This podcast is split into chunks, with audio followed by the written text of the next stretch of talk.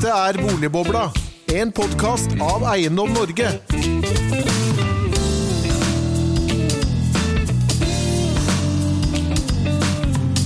Hjertelig velkommen eh, hit til Arendalsuka og hit til Sparebanken Sør i eh, det gode gamle Norges Bank-bygget, eh, hvor Norges Bank eh, hadde sitt hovedkontor i Aust-Agder i mange år, og et bygg med historie helt tilbake til 1680. Johan Hansens bygg heter dette, og her var det finansielle sentrum i Arendal på 1800-tallet. Eh, et, eh, en epoke som endte med Arendalskrakket i 1886. Eh, enkelte historikere har ment at det var det største og mest spektakulære eh, krakket både i Norge og kanskje også i Europa. Jeg skal ikke gå inn på det, det er en spennende historie. Men det danner et bakteppe til, eh, til definitivt Arendals historie. Og eiendomsmarkedet var også en viktig del av dette. Hjertelig velkommen fra Sparebanken Sør sin side, fra Sørmegleren og ikke minst Eiendom Norge. Dette er blitt en tradisjon, ikke sant Henning? Eh, Henning hadde for øvrig bursdag i går, så dere må huske på å gratulere ham med dagen. Um, og, og, vi i Sparebanken Sør, som har vært med uh, som uh, en av de viktige sponsorene i Arendalsuka helt fra uh, før det startet, er ekstra glad over at vi kan være med på å bidra med lokalene våre til å få nettopp sånne ting som Eiendomsdagen til å skje. Kjempehyggelig å ha dere her. Vi er veldig glad for så mange, og vi er jo veldig glad for at det er så mange flinke folk og så mange spennende temaer som kommer til å tas opp i dag. Så hjertelig velkommen, og Henning, ordet er ditt. Tusen takk. Og jeg må, må bare si noe at dette er altså verdenshistoriens andre boligdager på Arendalsuka. Og som, eh, som, Geir sa, så har dette, denne salen en spennende historie, men det håper vi dagen kommer til å bli også.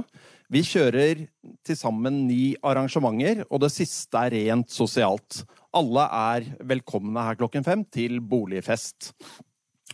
Så begynner vi da med denne boligfrokosten for å se på et veldig spennende tema. Stortinget vedtok endringer i avhendingsloven i 2019. Det var mye diskusjon rundt endringene.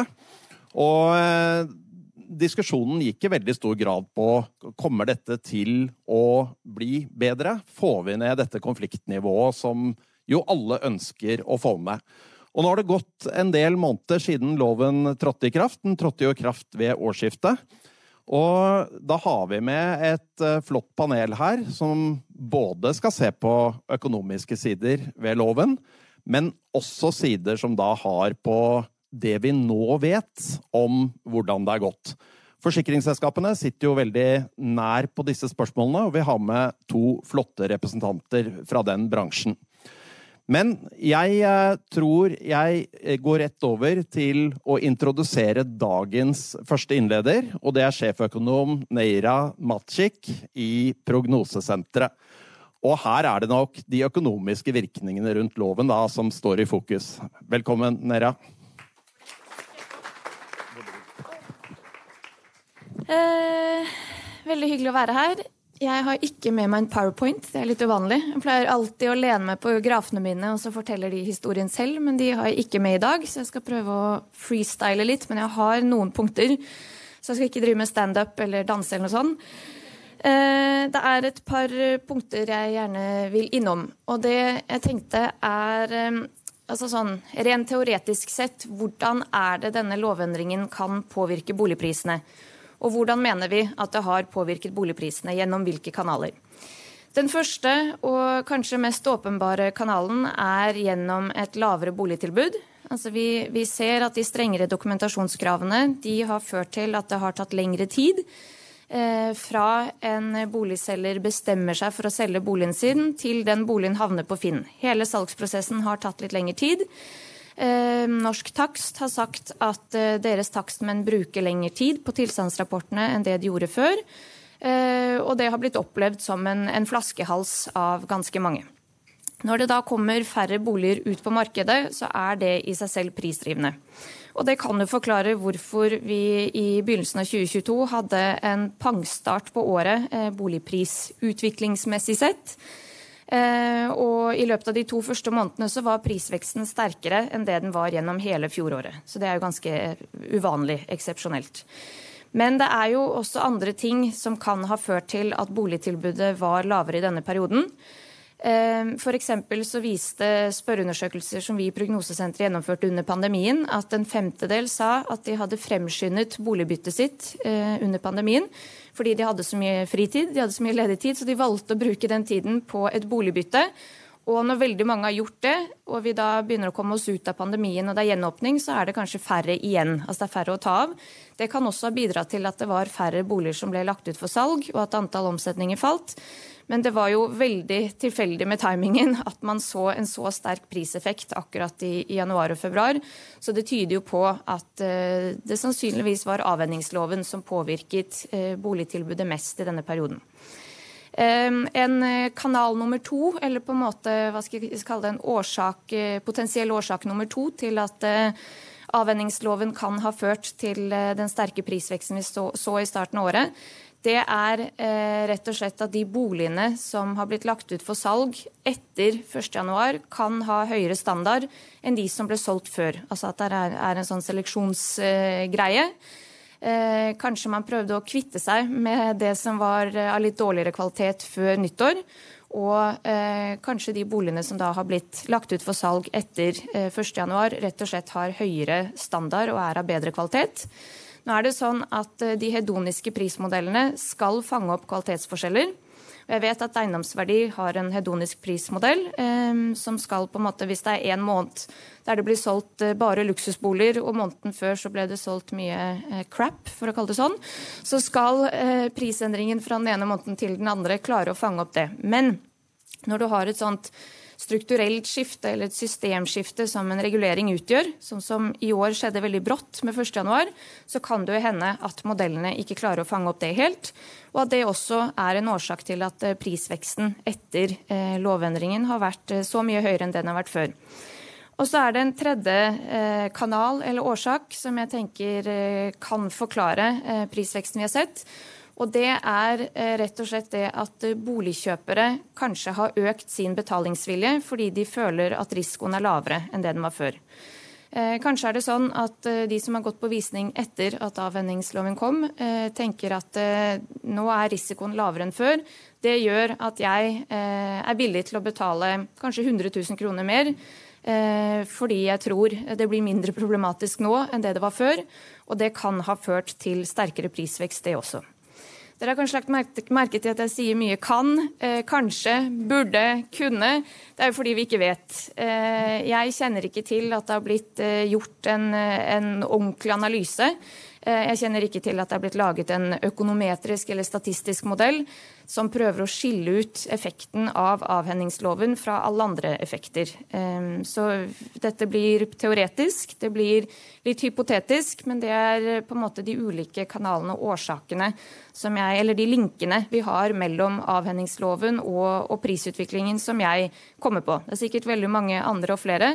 Eh, men det, det, er helt sikkert noen som kommer til å analysere det her, og det blir veldig spennende å se resultatene av det. Og så kan jeg bare skyte inn at Vi i Prognosesenteret har en spørreundersøkelse ute nå, men vi har ikke fått inn svarene, der vi har spurt hvordan avhendingsloven har påvirket eh, vanlige folk sine flytteplaner. Om det har gjort dem Eh, mer skeptiske eller mer villige til å selge boligen sin sammenlignet med før. Og også spurt dem som er kjøpere, hvordan det har påvirket deres syn på en boligtransaksjon og deres flytteplaner. Så jeg håper vi, når vi får de resultatene, så skal jeg ut og blogge om det eller få det ut i, i, verden. Så håper jeg dere får med dere de resultatene. Men enn så lenge så har vi ikke noe Vi, vi har ikke forsket på dette. Vi har ikke noe konkrete, entydige på måte, resultater på at så stor er effekten av avvenningsloven på eh, boligprisveksten som vi har sett. Um, det var egentlig det jeg hadde tenkt å si. Da må jeg bare si tusen takk til deg, og da skal du få lov å hoppe ned, Neira. Og så, eh, så, skal du få lov å komme opp i panel her etterpå. Og det er jo forståelig at man ikke kan si ting sikkert på det tidspunktet vi er nå. Men eh, det som da blir spennende, det er jo å høre hva neste innleder kan si. Eh, Johan Dolven, administrerende direktør i Help. Og som kjøpeforsikringsselskap så vet man jo en god del om hva som har skjedd nå. Så eh, bordet er ditt, Johan. Vær så god.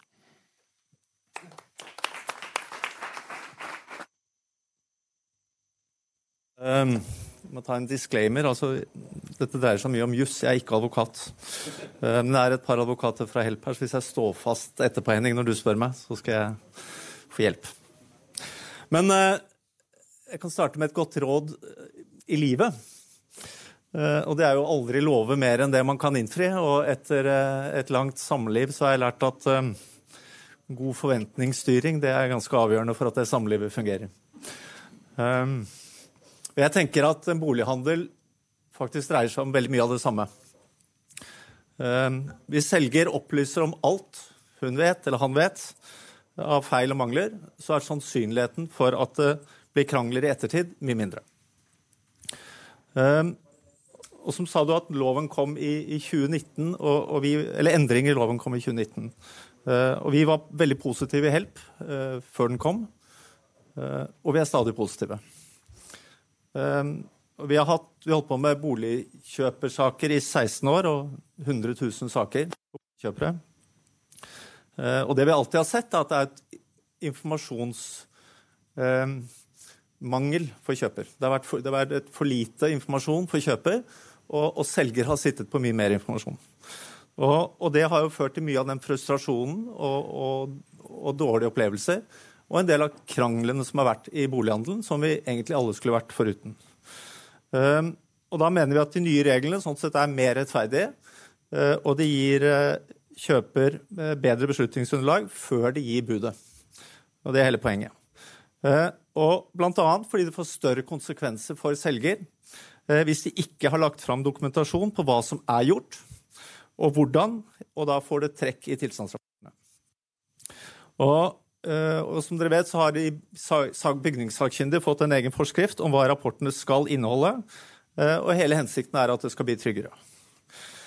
Og Derfor så tok vi et veddemål ved inngangen til 2022, da vi holdt prisene uendret på boligkjøpforsikring.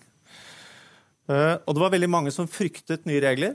Og, uh, men vi uh, og advokatene i Help sier at de har vært vitne til at eiendomsbransjen og advokatbransjen har vært veldig flinke til å iverksette reglene i arbeidet. Kommet fort i gang. og i Help så begynte vi veldig tidlig å forberede oss. Og jeg tror mange hos oss trodde at vi skulle bli mer å gjøre på begynnelsen av året. men det startet svært rolig. Og det er fortsatt nokså rolig. Eh, og det vi ser, er at det er rett og slett en synkende trend i antall saker. Eh, men vi kan ikke si sikkert om det er fordi det er bedre informasjon i forkant av salget, eller at det har vært lavere aktivitet i, i boligmarkedet. Eh, men historisk så har vi sett at én av tre boligkjøpere har tatt kontakt med oss. Og så boligkjøperforsikring eller boligselgerforsikring er i særklasse en forsikring med en altfor høy frekvens. Så uh, alle lever fint med den nedgangen. Det er ikke slik at vi som jobber med dette, her ønsker flest mulig konflikter. På ingen som helst måte. Uh, sånn sett så har advokatene sagt hos oss at det er for tidlig å si noe bastant om trender, men noe har de uh, delt med meg. De sier at det er veldig mange som melder inn saker om avvik ved det elektriske anlegget. Og vi har ikke hatt så mange saker om det før. Og, og det skal jo litt mindre til å vinne fram med disse sakene nå. For det første er det jo gjerne slik at man måtte over en vesentlighetsterskel før man kunne komme med krav om prisanslag. Og Nådde man ikke opp til den vesentlighetsterskelen, var kjøper avhengig av å påvise at selger hadde holdt tilbake eller gitt uriktige opplysninger om det elektriske anlegget. Og så sier eh, de som er spesialister hos oss, det kan være tilfeldig. Men den største posten er fortsatt fukt og lekkasjer. Og det er, det er ikke noen endringer fra tidligere. Eh, og det dekker alt fra vedlikeholdsmangler til fukt, eh, råte, grunnmur, eh, drenering osv. Det som er kanskje litt uventet, er at ca. 40% av sakene som meldes til Help, fortsatt er små saker. Og det, altså det går på blandebatteri, løse kraner, lister, hull i veggene osv. Og, og det er klart at loven Eh, det er mulig man misforstår, men loven har ikke blitt snillere når det gjelder disse avvikene. Tvert imot er hensikten at veldig mye mer presise opplysninger skal redusere antall bagatellsaker. Eh, og En mulig forklaring sier vi at det kan være at en del misforstår, og at de jakter på å finne så mange løse lister at man skal komme opp over grensen på 10 000 kroner. Men egenandelen skal trekkes fra i et eventuelt prisavslag. Og, og, og, de mener advokaten hos oss at dette vil nok gå seg til når vi blir vant til lovendringene. Samtidig så fjerner ikke lovendringen de mer alvorlige sakene. Eh, mange av de vil ikke avsløres av gode sakkyndige, eh, selv etter nytt regelverk.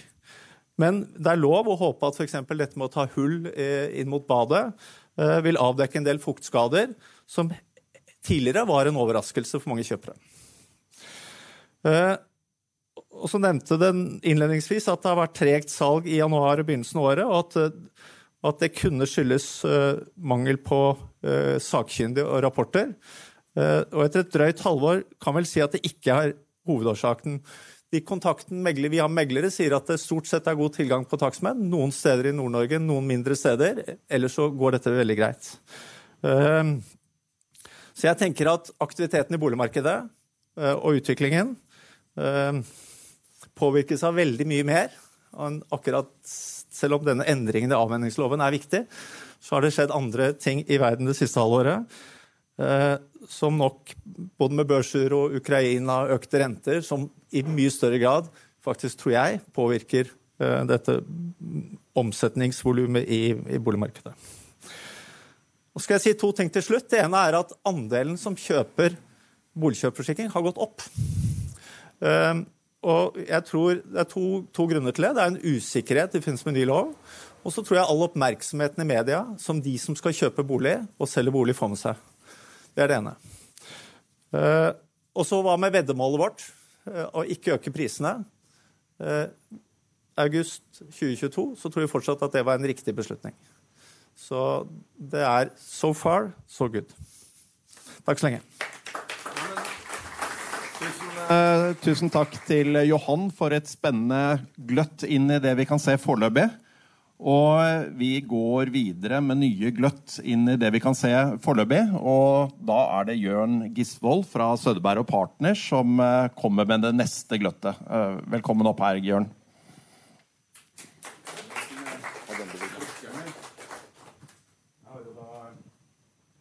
PowerPoint.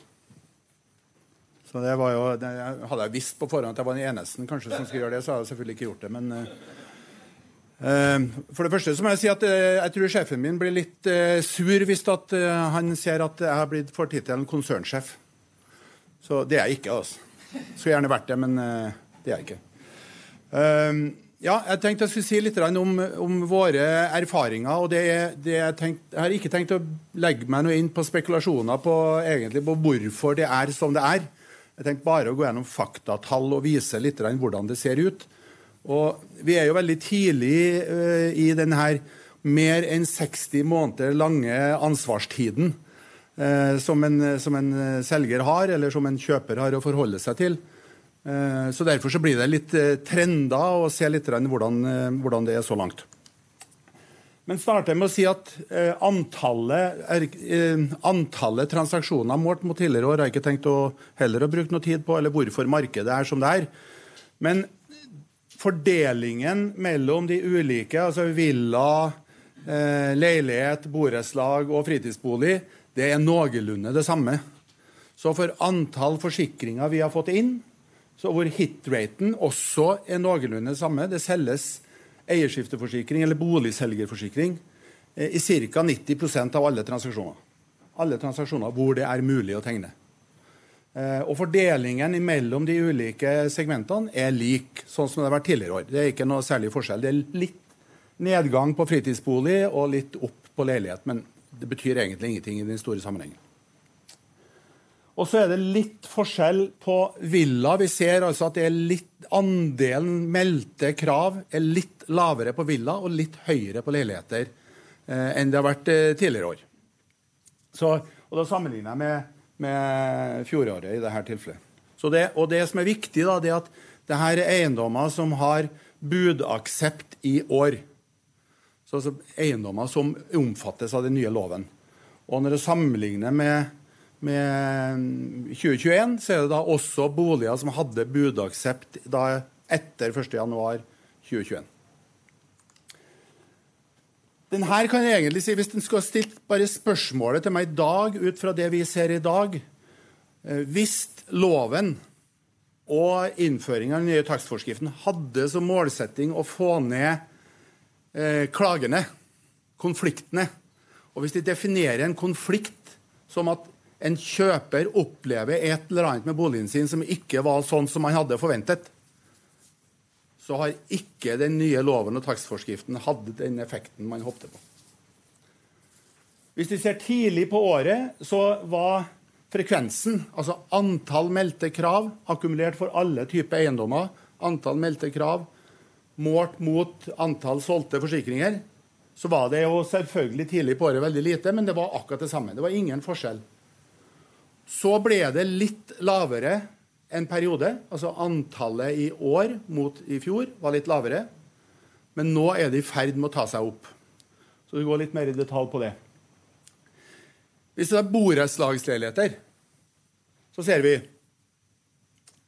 at tidlig på året så lå vi litt under. Så gikk vi likt, og så lå vi litt over. Nå er vi over igjen. Så antall meldte krav målt mot antall forsikringer, så er frekvensen akkumulert sett litt over på borettslag enn det var i fjor. Det betyr altså hvis at man anser en konflikt som at noen har meldt inn et eller annet som, man, som ikke er i henhold til forventning, så har konfliktnivået økt på borettslagsledighet. Det her har altså ingenting å gjøre med hvor mye som eventuelt utbetales i erstatninger eller ikke, for det er altfor tidlig å egentlig ha noen mye meninger om. Her er på leiligheter, altså ikke borettslag, men selgerleiligheter. Da ser vi stort sett akkurat den samme utviklingen, bare enda litt kraftigere økning nå i den senere tid.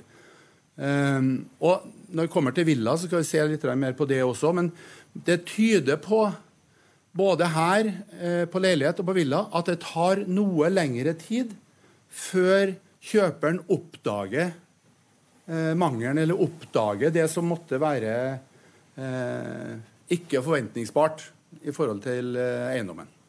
Og Det kan jo da være at de takstrapportene er av en kvalitet som gjør at du må komme lenger i oppussingsprosessen før du ser hva som er feil. Det vet vi ennå ikke noe om men frekvensen er da høyere. Hvis vi ser på Villa, så starta den omtrent likt. Og så har det vært forholdsvis mye lavere frekvens. Det vil jo, hvis det fortsetter, være veldig positivt for kostnaden knytta til boligselgerforsikring. Altså forsikringsselskapenes kostnad, som igjen vil ha en effekt for, for prisen, selvfølgelig. Her er det jo ekstremt få utbetalinger innen avslutta saker. Derfor så er det for tidlig. Men den er i ferd, det som er litt synd, er at den er i ferd med å ta igjen. Vi lå cirka, i, i, Etter første kvartal så lå vi ca. 30% bak i frekvens. Nå er vi ca. 20% bak i frekvens.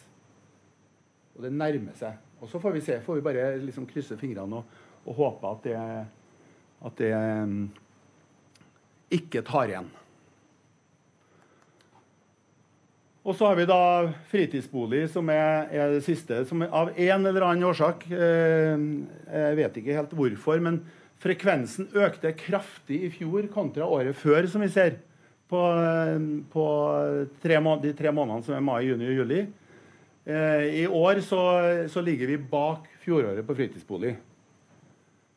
Eh, men hva årsaken er, det vet jeg ikke helt. Men det er et så lite antall at det, det monner liksom ikke noe i den eh, store sammenhengen.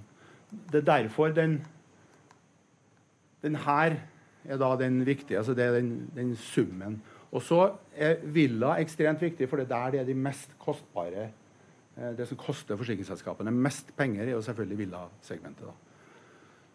Så egentlig så er jeg bare avslutte med å, å, innledningen min da, med å si at eh, eh, det har ikke gått så ille som eh, en del frykta, men det har heller ikke gått så bra foreløpig i hvert fall som noen håpte på. Og så får vi bare krysse fingrene fremover. Tusen, tusen, takk til Jørn. Her uh, fikk jeg et, et, par spørsmål, men de skal, du, de skal, du, få etterpå. Eh, da er det dagens aller siste innleder, og det er eh, Hanne Norskog Inger, som er altså verdens eh, beste fagsjef i Eiendom Norge. Vær så god. Det var ikke dårlig. Jeg tenkte at jeg skulle fortelle litt fra bransjen sin ståsted. Og siden bransjen da er nærmest på forbrukerne, både på selger- og kjøpersiden også, så kanskje vi får i hvert fall noen oppfattende eh, svar foreløpig. Og som alle andre har sagt, det har vært veldig kort tid. Det har vært veldig kort tid, for eiendommen skal faktisk selges i 2022, og den skal være overtatt og så skal du ha oppdaget om det er noe gærent med, med boligen. Eh, det jeg har gjort, er at eh, for å få nærmest gode svar, så har jeg spurt fagutvalget hos oss, som består av eh, de store eh, selskapene innenfor eiendomsmegling. Og så har de spurt ut i sine rekker på de som er tett på salgene. Sånn at jeg håper at de svarene jeg har fått, er så nære salget som mulig. Eh, og så har jeg spurt om hva oppleves av endringer i arbeid og rutiner for eiendomsmegler og for selger og kjøper i forhold til den nye loven. Eh, og hovedsvaret jeg får i hele landet da, er at det er store endringer i forhold til tilstandsrapporter. Både at det tar lengre tid, altså en tilstandsrapport er mye mer nøye enn en takst. Tilstands, altså Takstmannen må bruke lengre tid. Det er mer spørsmål og mer informasjon som skal løftes inn i salgsoppgave, eh, og det tar lengre tid. I tillegg så har vi en situasjon hvor både takstmannen er eh, Altså det er nytt for takstmannen å jobbe etter den listen. Det er nye systemer. Og i tillegg til det så har vi fra takstmann til takstmann så har vi ulike rapporter. Sånn det er et eller annet med å bli kjent med både formularet, innholdet osv. For både eh, takstmannen selv, eiendomsmegler, og da å kunne gi god informasjon ut til forbrukerne. Eh, det å putte informasjon fra, taksten, fra tilstandsrapporten inn i salgsoppgaven, og da kunne svare på dette også, er jo jobben til eiendomsmegler. Eh, og eh, her føler man at eh, både kjøper og selger er mye bedre forberedt enn det vi har følt tidligere. At man har en forståelse at man må lese og at man må se. Det vi også opplever, er at det er en del selgere som ønsker å rette på ting før de selger. Sånn at det tilstandsrapporten har avdekket, ønsker selger å rette på og fikse før man da legger ut eiendommen for salg. Og det er sånn som du sa, at det er kanskje også en årsak at det tar lengre tid fra man bestemmer seg for at man skal selge, til at man faktisk legger ut eiendommen for salg. For det er små ting du vil fikse, sånn at det ser litt bedre ut. Både på papir og fysisk. Eh, så har jeg spurt om meglerne opplever endret atferd. For det, det vi har klagd på, er jo ofte at kjøpere ikke leser seg opp på informasjon før de handler. Og litt sånn flåsete sagt så har man sagt at man bruker lengre tid på å kjøpe et nytt klesplagg enn å bruke på å kjøpe en ny bolig. Og det er jo bekymringsfullt. Eh, så vi håpet jo at dette skulle ha en effekt i forhold til at man kan mer om eiendommen når man faktisk kjøper den. Og dette opplever meglerne der ute stort sett. Man opplever at de har lest det, og man opplever i en viss grad at man skjønner hva som står men det er klart at vi har et stykke igjen fra teknisk og faglig språk til å være liksom på det normale hvor alle man skjønner hva, hva det dreier seg om. Uh, selgere er oftere opptatt altså, Man føler en sånn litt frykt for det, det, man må ikke gjøre noe feil. Selgerne må ikke gjøre noe feil, de skal ikke si noe feil. de skal ikke gjøre noe feil. Og det er jo positivt i utgangspunktet, at man er litt på alerten og ønsker å gi god informasjon. Og da tror jeg vi har kommet et stykke på, på vei. Eh, kjøperne er mer opptatt av elanlegg. Tydelig at vi får flere klager på det, men det tror jeg også har med nivået er sist og ikke er sist å gjøre, fordi at det er litt lavere kostnader.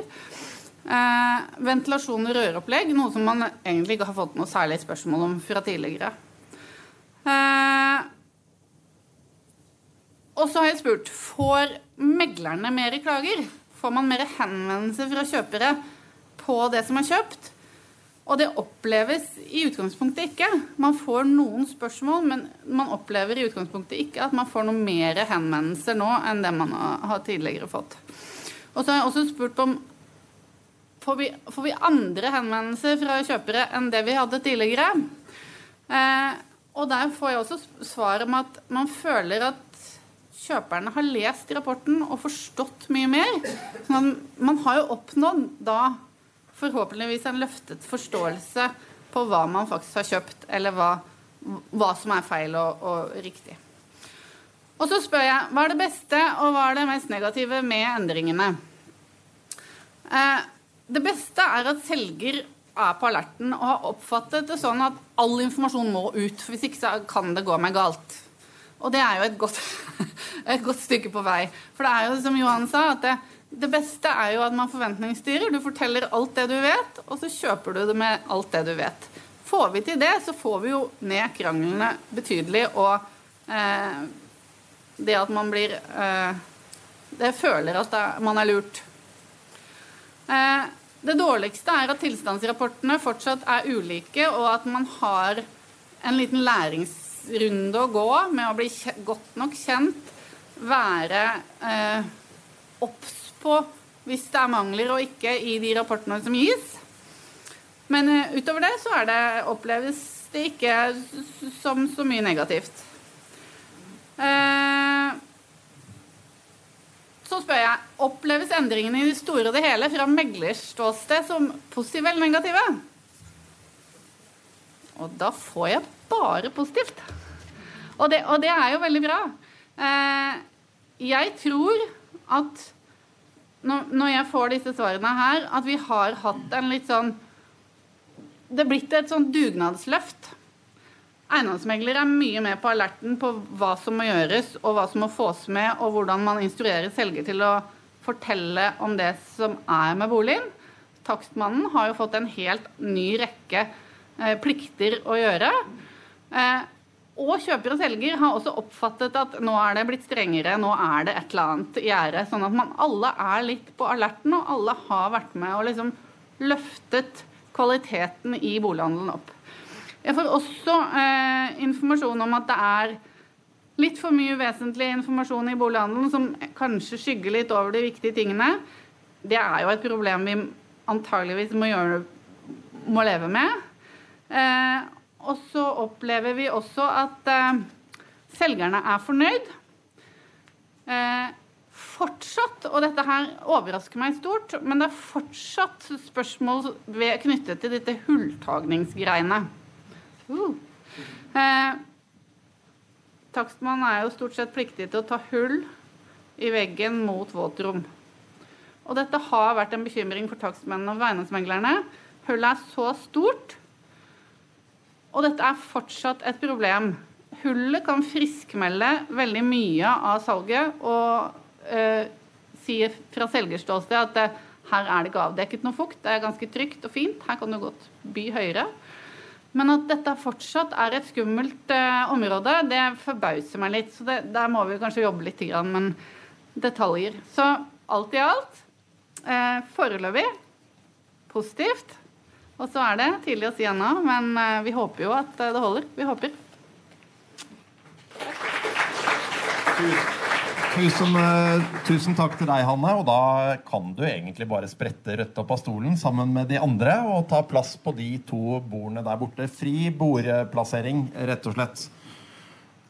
Og jeg kunne tenke meg å begynne med et spørsmål til deg, Neira. For du, du, sa dette med flaskehalser og økte priser. Er, altså Gitt at det er riktig, er det en effekt som vil gå over og hva skal man si, jevne seg ut, så man kommer tilbake til det som ville vært det egentlige prisnivået uten flaskehalsen? Eller vil det gi en form for sånn varig priseffekt på boligprisene? Eh, jeg tenker at det burde gi seg. Eh, at dette var en, eh, en kortsiktig effekt i starten, dette med flaskehalsen. Men hvis vi ikke bare ser på det som en flaskehals, hvis det er sånn at de som eier en eldre bolig av dårligere standard, eh, nå eh, permanent vil kvie seg for å selge den, eh, så er det jo ikke noe som vil gå seg til. Altså, da er det jo enten sånn at de må pusse opp eh, boligen ganske grundig før salg, og det kommer de til å bruke tid på. Så det blir jo da en varig eh, ikke flaskehals, men noe som rett og slett forlenger prosessen. Eh, og føre til at det også om ett år eller to år eh, tar lengre tid fra man bestemmer seg for å selge en bolig til den havner på Finn. Eh, hvis det er sånn at man da kvier seg for å selge disse eldre boligene. Det, det tenker jeg er en varig effekt. Men denne effekten med at, eh, at takstmennene bruker lengre tid enn før, eh, og den flaskehalsen, det tror jeg er mer, eh, mer kortsiktig, og at det vil gå seg til. Så jeg tror det avhenger litt av Men, men eh, hvis vi ser på den andre effekten som du snakket litt om, at det at kjøper har fått redusert risikoen, det kan føre til at kjøper er villig til å betale mer for boligen. Det er jo en sånn effekt jeg ville sett på som helt innlysende i et profesjonelt marked. eh, Hvor aktørene har evnet til å vurdere risikoen. Og flytter man på den, så gir det en priskonsekvens. Og nå, og nå skal du virkelig få lov å synse. Mm. Er det, eh, selv om vi ikke har noe som underbygger dette eh, i den ene eller den andre retningen, er det sannsynlig at et forbrukermarked vil klare å prise en sånn risikoendring?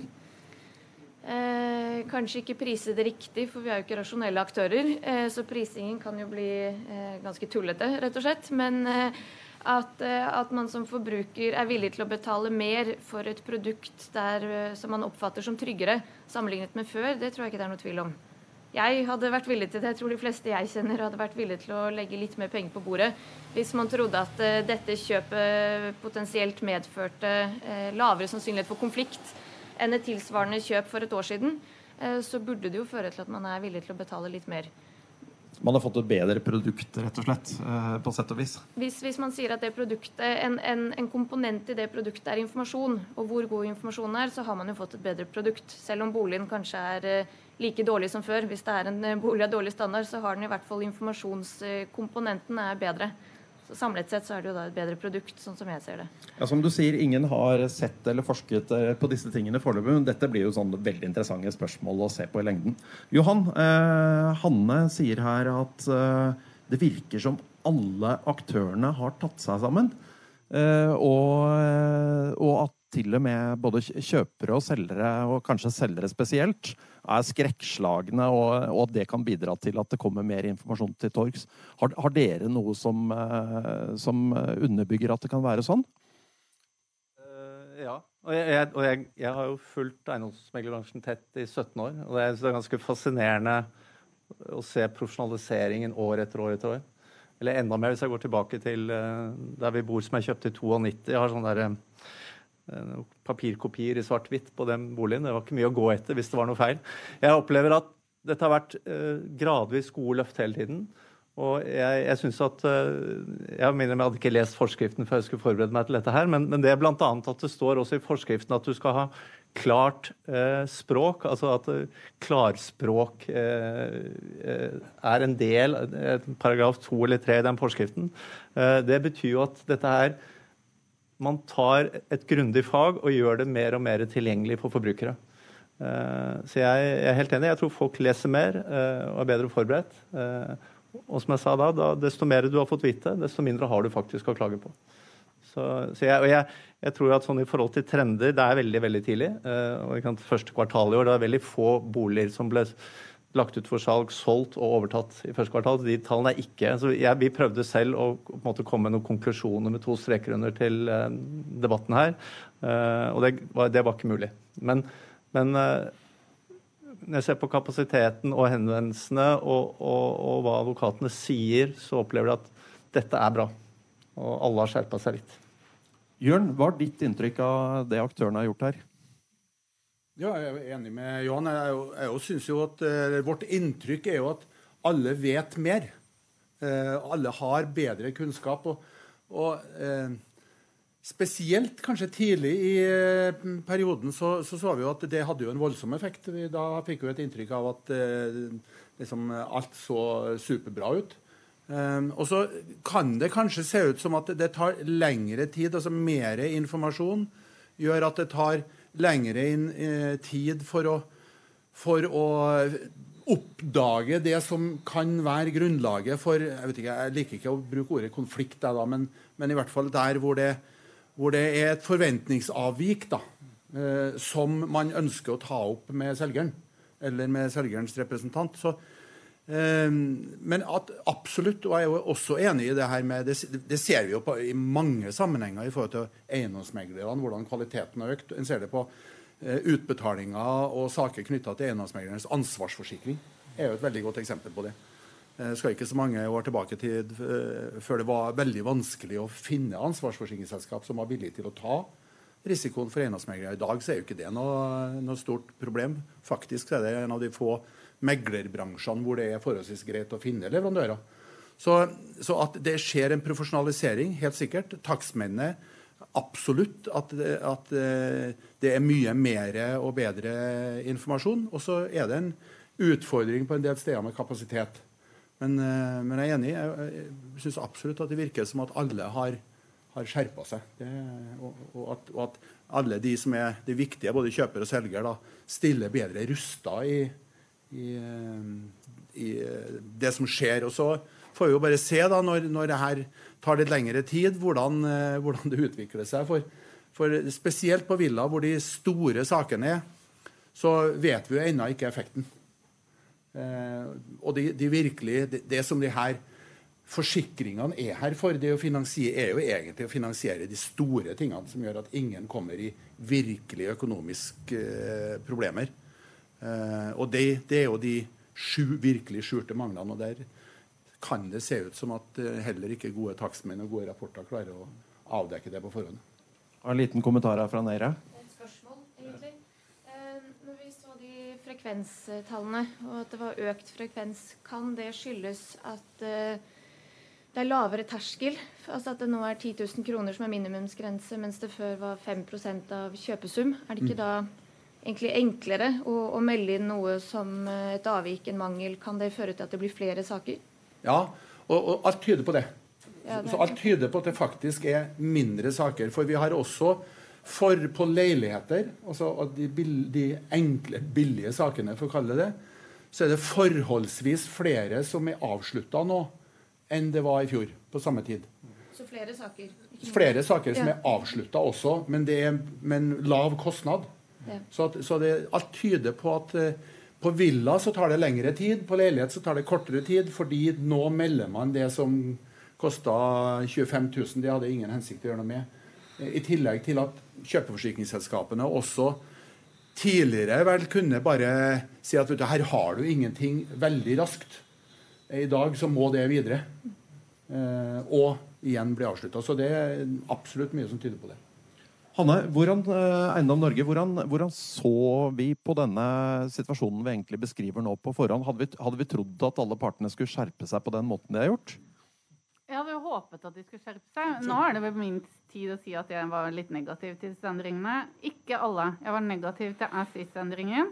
Eh, mer informasjon i bolighandelen, bedre takstrapporter, bedre grunnlag for kjøp. Eh, absolutt positiv til. Eh, men vi var vel litt sånn skeptiske. Men det vi sa, eh, var at småskader kommer til å bli enormt mye flere enn det det har vært. Og at vi håper at vi kunne se noe på storskade på at det går ned. Fordi at det, det blir mer informasjon om det. Men og så er vi jo tilbake. Det skal dekke de store tragediene. Det skal dekke de store mm. tapene. Og eh, skal du vite hva som er inni alle vegger og gulv, så må du ta det ned. Så en viss risiko så må det jo være, og et visst skadeomfang er det jo. Vi bor i eh, Selv bor jeg i et hus fra 1800-tallet. Vi bor i gamle hus også.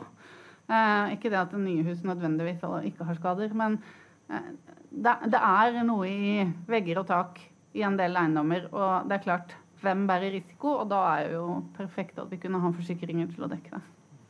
Men eh, Jørn, du sa i stedet da du presenterte her, at uh, nå skal du komme med tall og ikke med vurderinger og analyser.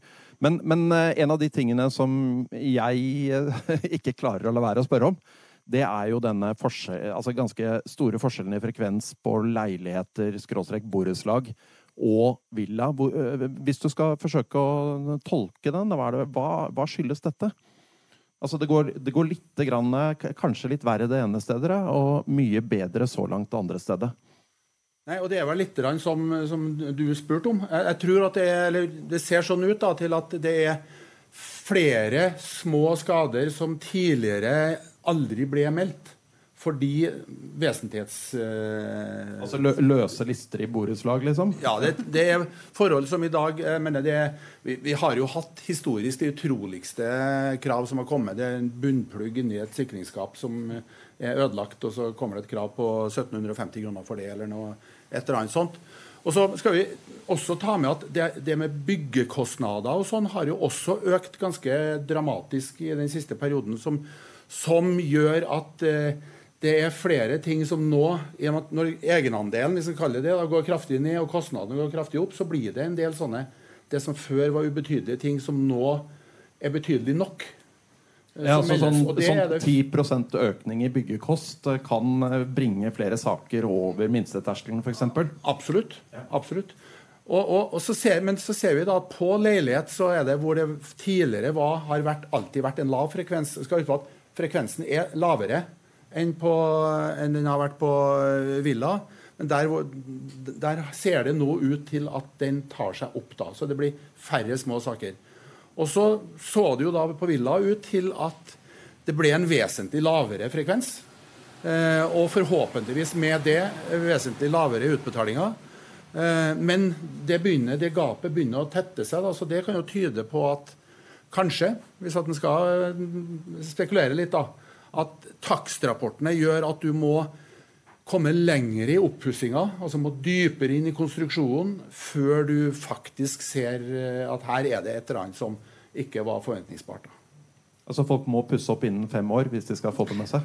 Ja, og det tror jeg, jeg tror jo folk Nå kanskje pusser de opp litt mindre pga. at det blir så dyrt, men, men eh, vi ser jo det. Alle pusser jo opp. Eh, Det er jo da det virkelig oppdages. Johan, ser dere noe av dette samme bildet? Altså, jeg vet ikke om dere har sett på dette mellom, mellom leilighet og, og villa, f.eks.?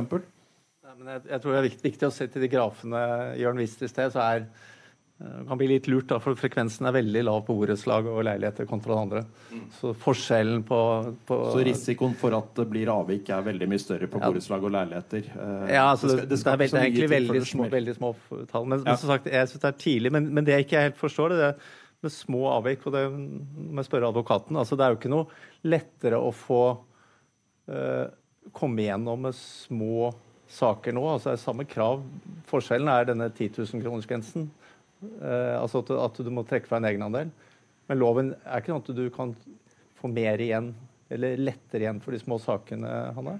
Eh, nå, ikke advokat, Ja, så det er alltid Men jeg kan, jeg kan prøve å svare. Jeg tror mye ligger, og om man sier det sånn som han sa det, at det er henvendelser, opplevelser av eh, mismatch. Jeg tror du får flere henvendelser med den litt sånn psykiske grensen egenandel 10 000 kroner. Eh, Du skal fortsatt bevise at det er en mangel ut ifra all den informasjonen du har blitt opplyst om. Det som var lettere før, eh, når de henvendte seg til dere, var å si at det, var avfeid uansett, for prisen var så lav. Ja, men- Istedenfor at du må gjøre en mangelsvurdering av full pakke. Se all den informasjonen du har blitt informert om nå. Er den tilstanden eh, Det du har kjøpt, er det forventbart i forhold til all full pakke, eller er det ikke? Og så gjøre den avveiningen istedenfor at det før så sa man nei, men det er jo langt under 3 Du har ikke kjangs uansett. Men, men dette tror jeg kommer til å bli bedre enn den Ja. den gamle lov. Fordi noe av det største problemet før var at uh, saker meldt til oss, uh, så måtte advokatene fortelle at uh, og dette her er ikke vesentlig. Mm. Og så kunne de si faen heller, det er ikke vesentlig. Det er 100 000 kroner. For meg er det veldig vesentlig. Så, så, så du kom igjen Det var veldig vanskelig å forklare. Jeg tror den, Mitt inntrykk nå er at mange av de mindre sakene som kommer, eh, stopper hos oss fordi det er mulig å forklare, fordi det er en god, eh, grundigere takstrapport, fordi reglene er tydeligere. Så jeg tror færre av de kommer til å komme til dere eh, over tid. Fordi at vi er i stand til å forklare det på en mye tydeligere måte, og kjøperen aksepterer det på en mye bedre måte. Jo fortere det blir en sannhet at ikke denne alt over 10 000 Ja. får du igjen på. Ja. Og det tar vel en liten stund før vi har klart å informere ut til enhver forbruker om at det er ikke egenandel 10 000 og alt. Alle lister utover det har du krav på å få skrudd fast. Men, bare, det, er det er viktig i, i den sammenhengen å si at eh, vi ser ikke nå på utbetalinger eller kost, faktiske kostnader, men på frekvens. Og der er det jo bare sånn at alt Hittil så er det veldig enkelt. På leiligheter så er det flere som fremme et eller annet form for eh, om man skal kalle det innsigelse eller krav eller et eller annet enn tidligere. På Villa er det noe færre enn det var tidligere. Og så kan vi jo spekulere på årsaken, og om det faktisk blir en kostnad, om det, om det har en konsekvens. Men foreløpig så er det, er det status, da. Og, og, det er jo det som, i hvert fall for, sånn som jeg ser det, som var noe av det viktigste med den her. Vi skulle få ned konfliktnivået. Eh, ikke nødvendigvis få ned kostnaden, for, for kostnaden er jo egentlig Det er jo manglene. De er der jo, på en måte. sant? Også, Eh, også, men vi skulle få ned konfliktnivået, og hvis det måles i frekvens, i hvert fall, så foreløpig så på leilighet så har det gått akkurat motsatt. Men, men Jørn Johan, dere har vært veldig tydelige begge to på at det dere har kommet med i dag, det er en løypemelding. Mm. Det er uh, ingen fasit på hvordan det har gått. Mm. Og så kan jeg begynne med deg, og så Jørn etterpå. Når kan vi, kan vi, på en måte sånn med ganske stor sikkerhet si hvordan det da har gått? Hvor lang tid tar det før skadesakene er ferdigbehandlet, og vi vet noe om det? Uh, jeg tror vi vet mye mer neste sommer når vi står her. Jeg tror vi trenger så lang tid. Altså, dette er jo det morsomme forsikringsbegrepet hale. Uh, det er fem års uh, reklamasjonstid på en bolig. Og, du, og, og, og, oppgjørene skjer enda lenger. Så på selgersiden er kanskje åtte-ni år før du har det hele bildet. Men jeg tror aktuarene hos oss neste sommer kan lage en ganske god indikasjon på hvor det er. Så foreløpig har vi veddemål. Altså det veddemålet fortsetter. Eh, vi satset på at ikke det skulle bli mer skader, som mange sa det skulle bli. Eh, der tror jeg vi foreløpig står ved veddemålet. Eh, og vi har ikke tatt stilling til hva vi gjør for neste år ennå, men, men det, dette kommer til å bli bedre. Det er magefølelsen. Jørn, neste sommer, vet vi det meste da? Vi vet eh, mye mer. Eh, noe av de diskusjonene som vi har med forsikringsselskapene nå, da, går jo på gamle porteføljer som nå plutselig har begynt å utvikle seg veldig negativt i, i det femte året. Så, så det, det, kan skje det utroligste. Men jeg, men jeg, er helt enig. Neste sommer så, så, vet vi mye mer. For da har også flere av sakene nådd sin utbetaling. Da. Så da begynner vi å se litt mer hvor lang, hvordan blir saksbehandlingstiden, hvilke typer skader er det som faktisk meldes. For F.eks. så har vi et håp da, om at det med hulltaking som har vært inne på, kan få ned noe på bad, som jo er av de dyre, virkelig dyre skadene. Hvis, hvis, det stemmer, så Og det vil vi se mye av når vi kommer til neste sommer. Har, har, dere noe gjetning på om det er noe som har virket? For dette, Hulltakning var det jo veldig mye noen diskusjon om rundt omkring blant uh, teknikere og andre om dette ville virke.